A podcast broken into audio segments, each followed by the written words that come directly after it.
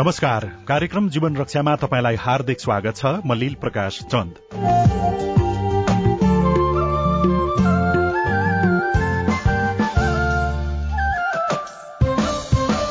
सामाजिक शैक्षिक व्यावसायिक गतिविधि स्वास्थ्य सावधानी समसामयिक राजनैतिक परिवेशको बारेमा यो कार्यक्रममा हामी छलफल गर्छौं। सामुदायिक रेडियो प्रसारक संघ अकुराबद्वारा संचालित सामुदायिक सूचना नेटवर्क सीआईएनको प्रस्तुति यो हो कार्यक्रम जीवन रक्षा। कार्यक्रम जीवन रक्षा सीआईएन मार्फत मुलुकभरका सामुदायिक रेडियो वेबसाइट सीआईएन खबर dot com Facebook page CIN खबर सीआईएन साझा खबर मोबाइल एप सीआईएनबाट पनि तपाई सुनिरहनु भएको छ।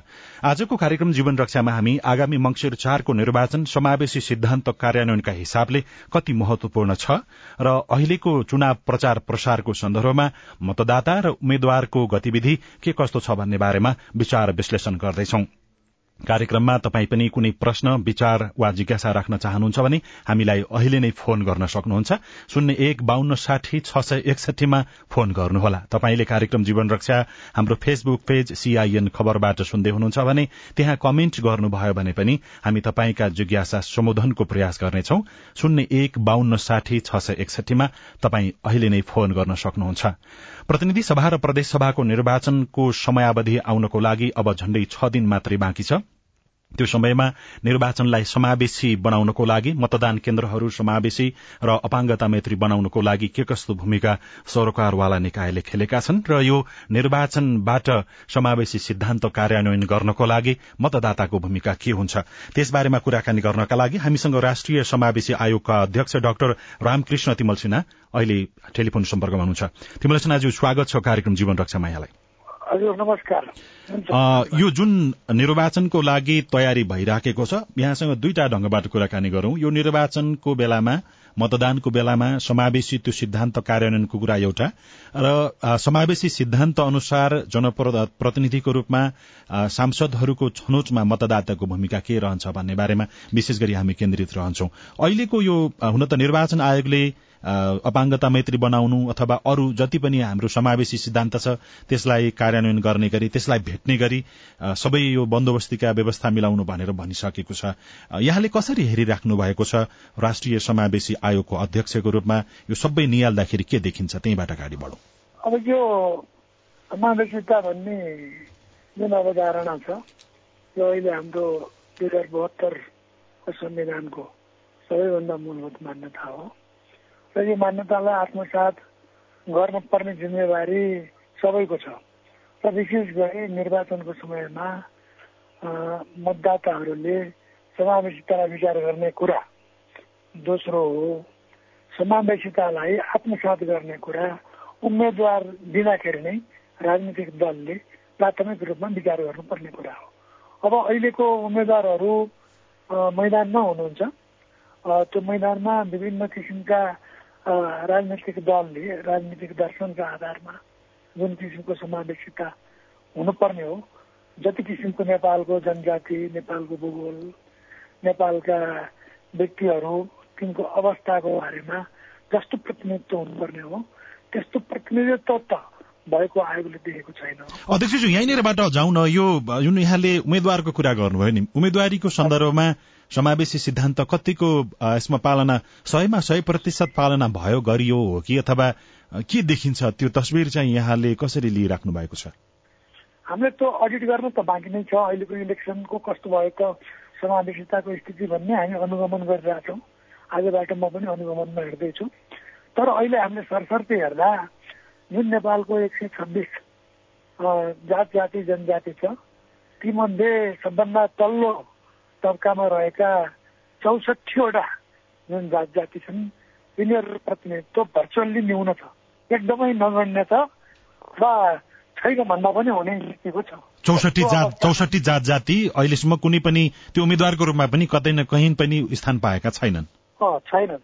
त्यो हिसाबले हेर्दा समावेशितालाई हामीले राजनीतिक रूपमा सुझबुझका अगाडि बढाउन नसकेको हो भन्ने पनि एउटा आशंका पैदा भएको छ।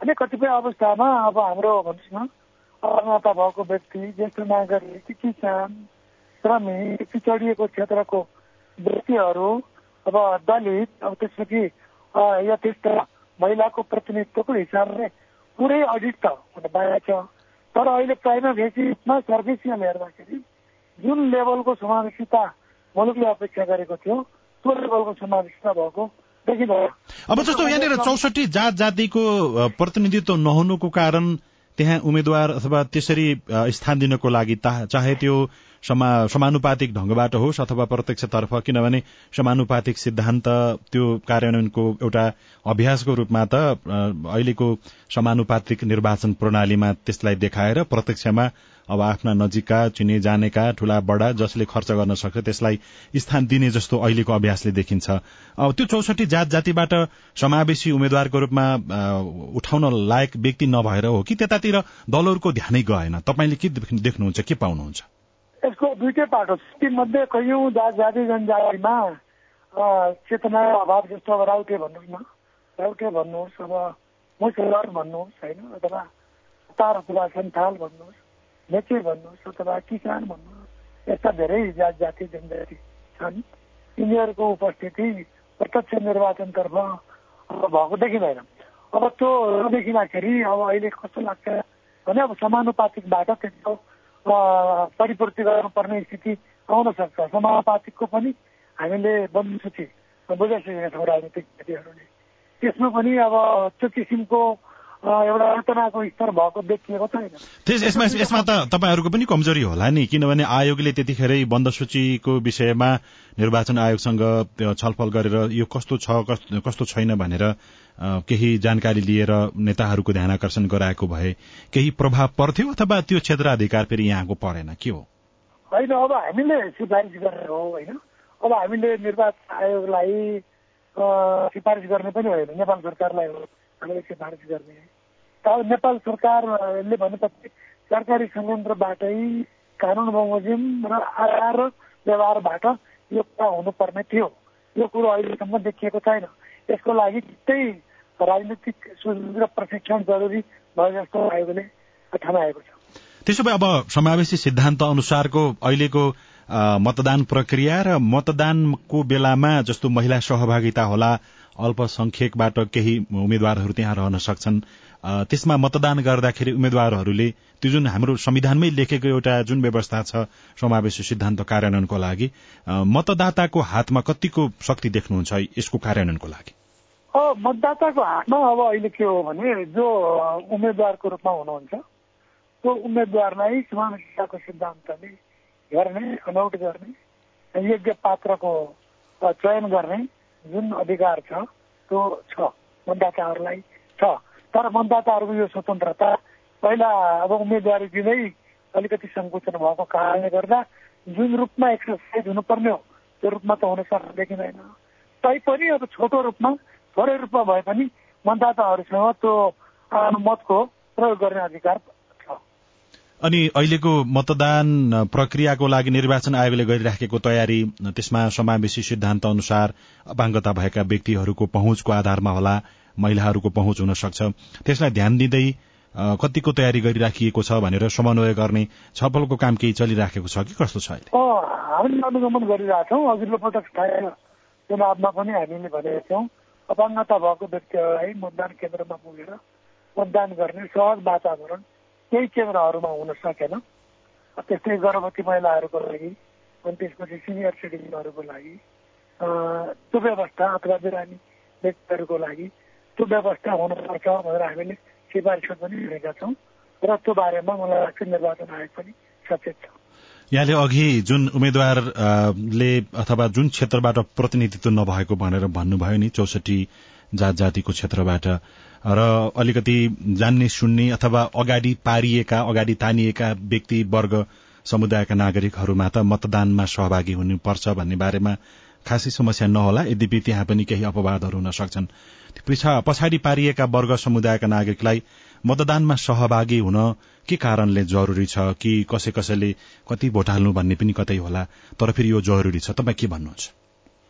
अब मतदाता शिक्षा अति महत्वपूर्ण कुरा हो मतदाता शिक्षाको लेभल अझै पनि यथेष्ट पुगे जस्तो हामीले महसुस गरेका छैनौँ अब डिजिटल्ली लिटरेट र डिजिटल्ली इलिटरेटको बिचमा पनि त्यो शिक्षाको अवस्था धेरै फरक परेको देखिएको छ ग्रामीण भेगको जोसँग सञ्चारको साधन छैन सोसियल मिडिया नेटवर्कमा पहुँच छैन रोजीरोटीको कारणले गर्दा त्यो सुन्ने त्यो बुझ्ने त्यसको बारेमा विमर्श गर्ने। समय छैन त्यस्तो व्यक्तिहरूलाई अब कुनै एउटा व्यक्तिले अथवा समूहको एउटा नायिकले अथवा कुनै राजनीतिक दलको कुनै प्रभावशाली व्यक्तिले मेनिपुलेसन गर्न सक्ने अवस्था चाहिँ छ। त्यो देखिएको छ।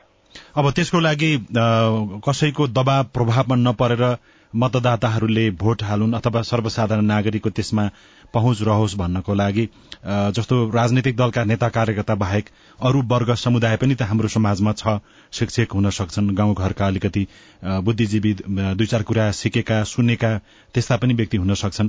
उनीहरूको भूमिका चाहिँ के हुन्छ कि यो निर्वाचनलाई समावेशी बनाउनको लागि र सहभागिता बढाउनको लागि? यो असल नागरिकको अभ्यास पनि हो। असल नागरिक समाजको पनि दायित्व हो। यो सरकारको मात्रै होइन यो नागरिकहरूको पनि यो दायित्व हो। नागरिक मात्रै होइन नागरिक समाजका सङ्गठनहरूको पनि दायित्व हो।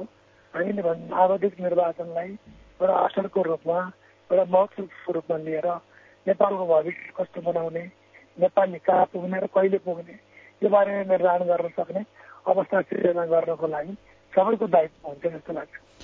हस् समय दिनुभयो कुराकानीको लागि यहाँलाई धेरै धेरै धन्यवाद छ। That's uh, whatever you look at. राष्ट्रिय समावेशी आयोगका अध्यक्ष डाक्टर रामकृष्ण तिमल सिन्हा हुनुहुन्थ्यो। अहिलेको निर्वाचन प्रक्रियामा चौसठी जात जातिको क्षेत्रबाट कुनै पनि प्रतिनिधित्व नभएको बारेमा हामीलाई जानकारी दिँदै हुनुहुन्थ्यो र अब आइराखेको निर्वाचनमा मतदाताले समावेशी सिद्धान्त कार्यान्वयनका लागि पनि आफ्नो महत्वपूर्ण बहुमूल्य मत प्रयोग गर्नुपर्नेमा उहाँले जोड़ दिनुभयो। मंगिर चारको निर्वाचनको लागि सबै तयारी गर्नको लागि निर्वाचन आयोगले मातका सबै निकायलाई भनिसकेको छ। स्थानीय स्तरमा मतदाता मतदाता शिक्षा कार्यक्रम पनि सञ्चालन भइराखेको छ। स्वयंसेवीहरूले स्वयंसेविकाहरूले आफ्नो क्षेत्रबाट मतदाता शिक्षा कार्यक्रम सञ्चालन गरिराखेका छन् भने निर्वाचन आयोगले विभिन्न सामाजिक सञ्जाल मार्फतको प्रचार प्रसार र मतदाता शिक्षा कार्यक्रमलाई जोड़ दिइराखेको छ। यद्यपि सबै क्षेत्र र वर्गसम्म यो कार्यक्रम त्यसरी प्रभावकारी नभएको भनेर विभिन्न टीका टिप्पणी पनि भइराखेका छन्। अहिले हामीसँग एकजना विश्लेषक डाक्टर जनार्दन आचार्य टेलिफोन सम्पर्कमा हुनुहुन्छ।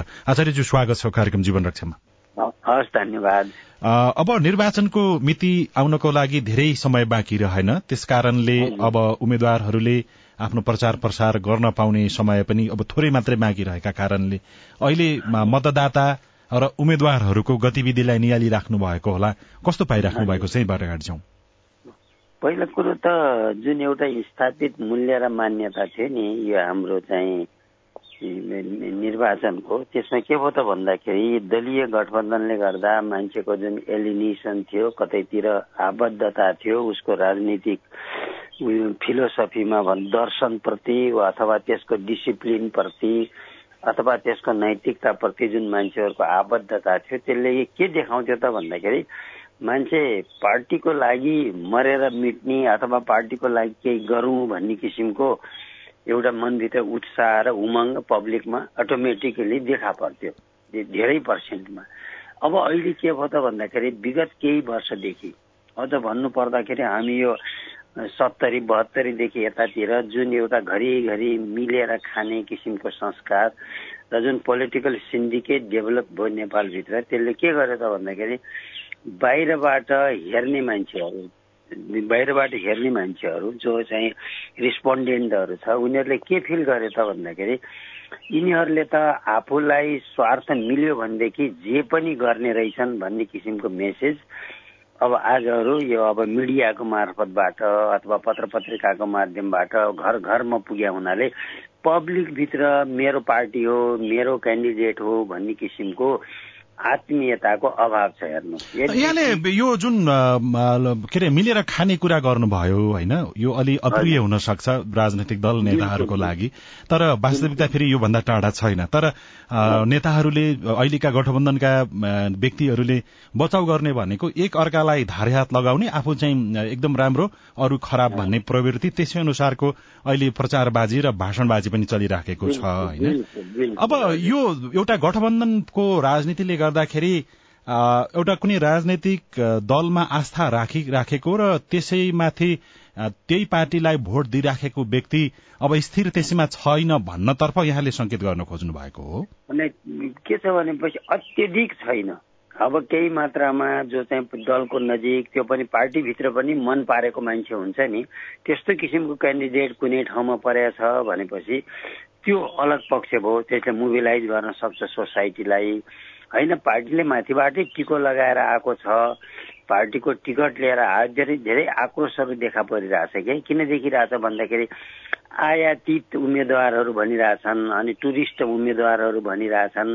यसले पब्लिकलाई राम्रो मेसेज दिएन कि? तर यहाँनिर यहाँनिर यो मतदाताहरूले हस्तक्षेप गर्न सक्छन् त? अहिलेसम्मको विश्वास नेताहरूमा पार्टीहरूमा के देखिन्छ भने हामीले जुन ठाउँमा जितिराखेका थियौँ त्यहाँ त्यो ठाउँमा हाम्रो भोट छ हामी त्यहाँ जित्छौँ भनेर दावी गरिराखेका छन्। यो त दावी गरेन भने फेरि उनीहरूलाई फेरि समस्या पर्ने कुरा पनि भयो। तर यो अन्तिम नतिजा अन्तिम फैसला गर्ने त फेरि मतदाताले हो। त्यो हस्तक्षेप मतदाताले हस्तक्षेप गर्न सक्छ कि सक्दैन? सक्छ सक्छ। जस्तै यो त के हो भन्नुहुन्छ भनेदेखि अब अगाडि कमान्डरले जो हामी हार्दैछौँ भनेपछि त हेर्नुहोस् मतदाता आफै पनि घट्छ। किन खेर फाल्ने ठाउँमा मतदाताले मतदान गर्दैन। जो न्युट्रल मतदाता छ जो अन्तिममा डिसाइडिङ गर्ने भोटर भनेको त्यो हो। त्यो मतदाता अहिले के छ त भनेदेखि यिनीहरूले सोचेको जस्तरी मत हाल्ने पक्षमा छैन। उसले के गरिरहेछ त भन्दाखेरि अब बरु मतदानमा पार्टिसिपेसन पनि कम हुन सक्छ हेर्नुहोस् नम्बर एक। नम्बर अर्को के हुन सक्छ त भन्दा यिनीहरूले सोचे भन्दा अलग किसिमको नतिजा पनि आउन सक्छ जुन यिनीहरूले अहिले अपेक्षै गरेका छैनन् त्यो किसिमको नतिजा नआउला भन्न पनि सकिँदैन हेर्नुहोस्। यसको कारण यसको कारण चाहिँ के हुन सक्छ कि एउटा मतदाताले नयाँ नयाँ उम्मेद्वार रोज्ने अथवा पुरानालाई छोड्ने अथवा पुरानालाई दोहोऱ्याउने यो परिपाटी के के कारणले आयो? यो त किन होला भन्नुहुन्छ भनेदेखि पहिला कुरो त जुन कि देशले जुन किसिमको मेरो समाजले मेरो व्यक्तिगत रूपमा मेरो पेसामा जुन किसिमको परिवर्तन जुन किसिमको त्यसमा सार्पनेस निखारपना आउन पर्थ्यो त्यो कुरो नेताहरूले देखाउन सकेनन्। कुनै पनि पार्टीको नेताहरूले न हाम्रो चाहिँ विदेश नीतिमा देखाउन सके न अर्थनीतिमा देखाउन सके न हाम्रो प्रशासनमा देखाउन सके झन् स्थानीय निकायमा प्रदेशमा केन्द्रमा कहीँ पनि किसिमको हामीले घमण्ड गरेर यही काम गऱ्यौँ भनेर नेताहरू अगाडि आउन सक्ने स्थिति देखा पर्दैन। यद्यपि उनीहरूले एउटा साइकोलोजी क्रिएट के गरेका छ त भन्दाखेरि कतिपय त्यस्ता खालको मिडियाहरू अब लगानी गरिरहेछ हेर्नु बजिरहेछ क्यासेटहरू त्यसले गर्दाखेरि केही न केही पर्सेन्टेजलाई त अलिकति गुमराह पार्छ नै त्यसले हेर्नुहोस्। तर के हो भनेपछि यो नेताहरू मेन कुरो केमा आउँछ त भन्दा लिडरसिपले जुन पर्फर्मेन्स देखाउनु पर्ने थियो त्यो पर्फर्मेन्स देशको लागि र सोसाइटीको लागि देखाएन क्या। त्यो के भयो? भन्नुहुन्छ भने जस्तै भन्नुहोस् न हाम्रो यहाँका राजनीतिक नियुक्तिका कुरा गर्नुहोस् त्यसै गरेर समानुपातिकमा नाम पठाउनेका कुराहरू गर्नुहोस्।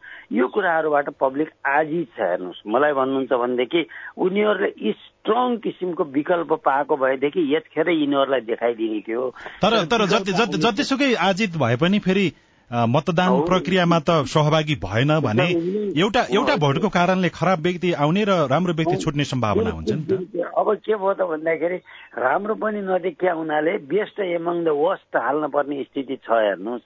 त्यो पनि आउन सक्छ रिजल्ट। किन भन्दाखेरि राम्रै गरेर जस्तै काठमाडौँका ठुला सिटीहरूमा केही स्वतन्त्रको नाममा केही अलिकति राम्रो होइन उहाँहरूलाई व्यक्तिगत रूपमा नचिने पनि राम्रो वक्ताका रूपमा आफूलाई क्लिन फेस उहाँहरूले प्रस्तुत गरेर सफल हुनुभएको छ। त्यस्तो ठाउँमा परिणाम आउँछ तपाईँले राम्रो खालको पनि आउला। नत्र यहाँ पनि के देखिन्छ त भन्दाखेरि गाउँ टोलतिर पनि मान्छेहरू आजित भएको हुनाले त्यसलाई दिनुभन्दा यो अलिकति बेटर छ कि भन्ने किसिमको सोच गाउँ गाउँमा पनि विकसित छ हेर्नुहोस्। त्यसैले गर्दाखेरि अहिलेको नतिजा भनेको अहिलेको भोटिङ प्याटर्न भनेको अब पार्टीगत रूपमा रुखलाई हेरेर हलोलाई हेरेर सूर्यलाई हेरेर अथवा छातालाई हेरेर जाने स्थिति मैले देखिरहेको छैन त्यो देखिँदैन हेर्नुहोस्। त्यसो भए अझै पनि फेरि विशेष गरी तराई मधेस पूर्वदेखि पश्चिमसम्मै र अरू अरू पहाड़ी क्षेत्रमा पनि अथवा हिमाली क्षेत्रमा पनि देखिने र सुनिने भनेको मतदाता अन्तिम अवस्थामा आएर प्रभावित हुन्छन् र उम्मेद्वारहरूले राजनैतिक दलहरूले आफूले सके जतिका सबै उपाय लगाउँछन् र एउटा स्वतन्त्र रूपमा मतदान गर्छु भन्नेको उम्मेद्वारले अन्तिम समयमा आएर आफ्नो निर्णय परिवर्तन गर्छ भनेर। त्यो त्यो त्यो प्रकारको भनाइ त फेरि हाम्रो समाजमा स्थापित छ। यसपालि नदोहोरिने हो कि अथवा यसले कहीँ न कहीँ फेरि प्रभाव पार्न सक्छ भन्ने तपाईँलाई लाग्छ? त्यो पार्छ हेर्नु। त्यो त देखिरहेको छु। मैले पनि के देखिरहेको छु भन्दाखेरि घर दैलो यिनीहरूका छन् यिनीहरूका विभिन्न कुराहरूको माध्यमबाट विभिन्न सम्पर्क सूत्रहरू उनीहरूले कायम गरेका छन्। अब होइन राजनीतिमा अब जे पनि हुन सक्छ। शत्रु र मित्र कोही हुँदैन भनेर यिनीहरूले मात्रै जानेछ हेर्नुहोस् यिनीहरूले मात्रै बखान गर्छ। त्यसैले गर्दाखेरि त्यो इन्फ्लुएन्स त हुन्छ हेर्नुहोस् किनभने गरिबी व्याप्त छ नेपाली सोसाइटी हो किनभनेदेखि सानो सोसाइटी छ भोलि काम लाग्छ यो मान्छे। भनेर पनि हाल्न सक्छ कतिपय थ्रेडको हिसाबले पनि हाल्न सक्छ टोलमा ऊ बस्न नसक्ने स्थितिले पनि हाल्न सक्छ त्यो यथावत छ। किनभनेदेखि निर्वाचन आयोगको पनि बोलाइ हेर्नुहोस् कहिले के भन्छ मतपत्र साटिन सक्छ भनेर ऊ आफै बोल्छ हेर्नुहोस् होइन? त्यो पनि त एकातिर छ त त्यो पाटो पनि हामीले अब राखिरहेछौँ बचाइरहेछौँ हेर्नुहोस्। त्यसैले गर्दाखेरि यो सबै कुराहरू हुन सक्छ। त्यो त्यो त राज्यले गर्ने अख्तियार यिनीहरूले जे पनि गर्न सक्छ हेर्नुहोस् त्यसमा चाहिँ म विमति राख्दिनँ। तर त्यति हुँदा हुँदै पनि संसदभित्र अहिलेको संसदमा यिनीहरूको भण्डाफोर गर्ने केही पर्सेन्ट मान्छेहरू जान्छ हेर्नुहोस् यसमा म ढुक्क छु।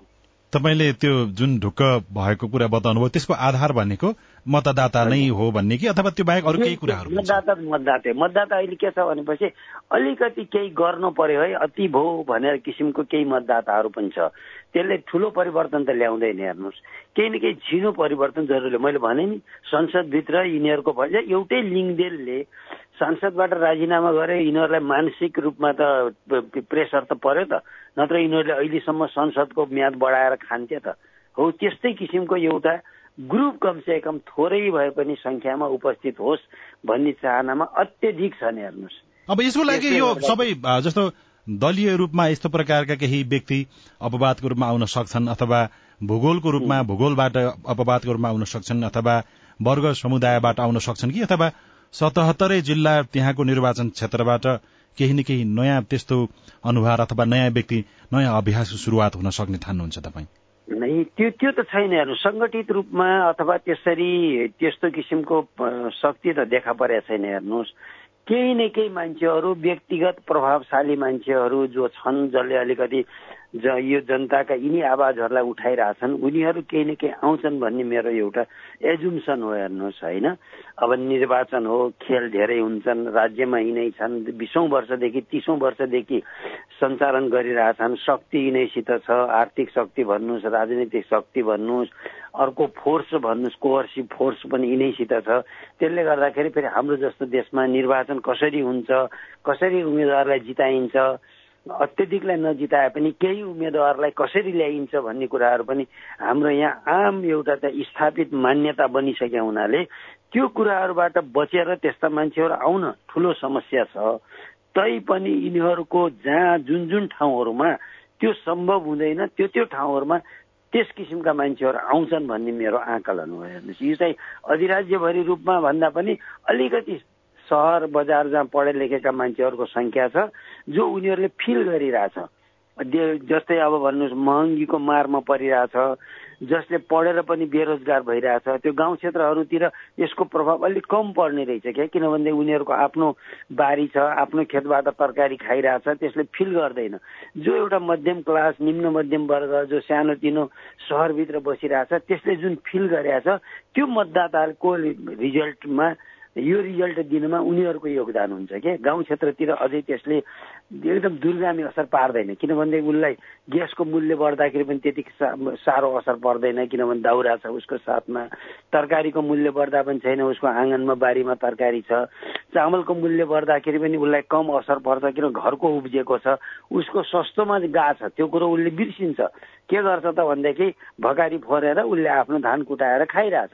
त्यसैले गर्दाखेरि जो यो मध्यम वर्ग र निम्न मध्यम वर्ग छ त्यो जो पीडित छ नि जो अपर्च्युनिटीबाट पीडित छ जो एउटा न्याय नपाएर अदालतबाट पीडित छ जो यो भ्रष्टाचारबाट ग्रसित छ यो मान्छेभित्रको आक्रोश अलिकति रूपमा भए पनि प्रस्फुटन हुन्छ। केही उम्मेद्वारले गर्छन् भन्ने मेरो आकलन हो हेर्नुहोस् र अन्त्यमा अहिले ज जसले सुनिराख्नु भएको छ र उम्मेद्वारहरूले जुन घर दैलो कार्यक्रम गरिराखेका छन् एउटा अलमल जस्तो अन्यल जस्तो कता कसलाई दिउँ भन्ने पनि भइराखेको होला। र यहाँले जुन भन्नुभयो कि अब मतदातामा चेतनाको स्तर बढ़िराखेको छ तुलनात्मक रूपमा जाने बुझेका पढे लेखेकाले अलि राम्रोसँग निर्णय गर्न सक्लान् तर फेरि अहिले पछिल्लो समयमा जुन यो शिक्षाको स्तर अथवा यसको चारैतर्फ अथवा सबैतर्फ शिक्षाको स्तर शिक्षा पुगिराख्दाखेरि कुनै न कुनै घरमा एउटा न एउटा व्यक्ति शिक्षित अब हुने अथवा दुईभन्दा बढ़ी व्यक्ति शिक्षित हुने स्थिति छ। अब अन्तिम समयमा मतदाताले ध्यान दिनुपर्ने कुरा के छ त तपाईँको सन्देश? सबैभन्दा कुरो त जस्तै यो आक्रोश मात्रै नभएर जो मान्छे एजेन्डा लिएर देशको लागि केही गर्छु भनेर आइरहेछ त्यो जुन कुनै पार्टीको होस् राम्रो मान्छेलाई मतदान गर्नुहोस्।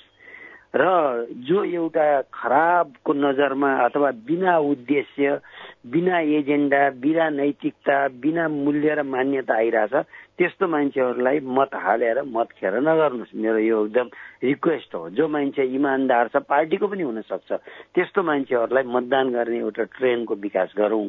भन्ने मेरो चाहना मात्रै हो र मेरो अनुरोध पनि त्यही छ हस् समय दिनुभयो कुराकानीको लागि यहाँलाई धेरै धेरै धन्यवाद मलाई पनि केही भन्ने मौका दिनुभयो त्यसको लागि तपाईँलाई पनि धन्यवाद तपाईँको टिमलाई पनि धन्यवाद। विश्लेषक डाक्टर जनार्दन आचार्य हुनुहुन्थ्यो। आजको कार्यक्रम जीवन रक्षामा हामीले निर्वाचनलाई समावेशी बनाउनको लागि मतदाताको भूमिका र योग्य उम्मेद्वारलाई निर्वाचित गर्नको लागि मतदाताको भूमिका कस्तो रहन्छ भन्ने बारेमा कुराकानी गर्यौं।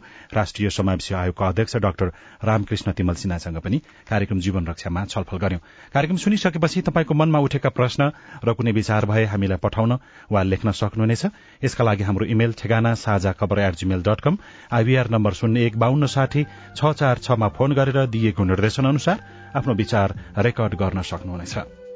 प्राविधिक साथी सुनिल राज भारतलाई धन्यवाद दिँदै रेडियो कार्यक्रम जीवन रक्षाको आजको अंकबाट हामी सबै विदा हुन्छौ। नमस्कार।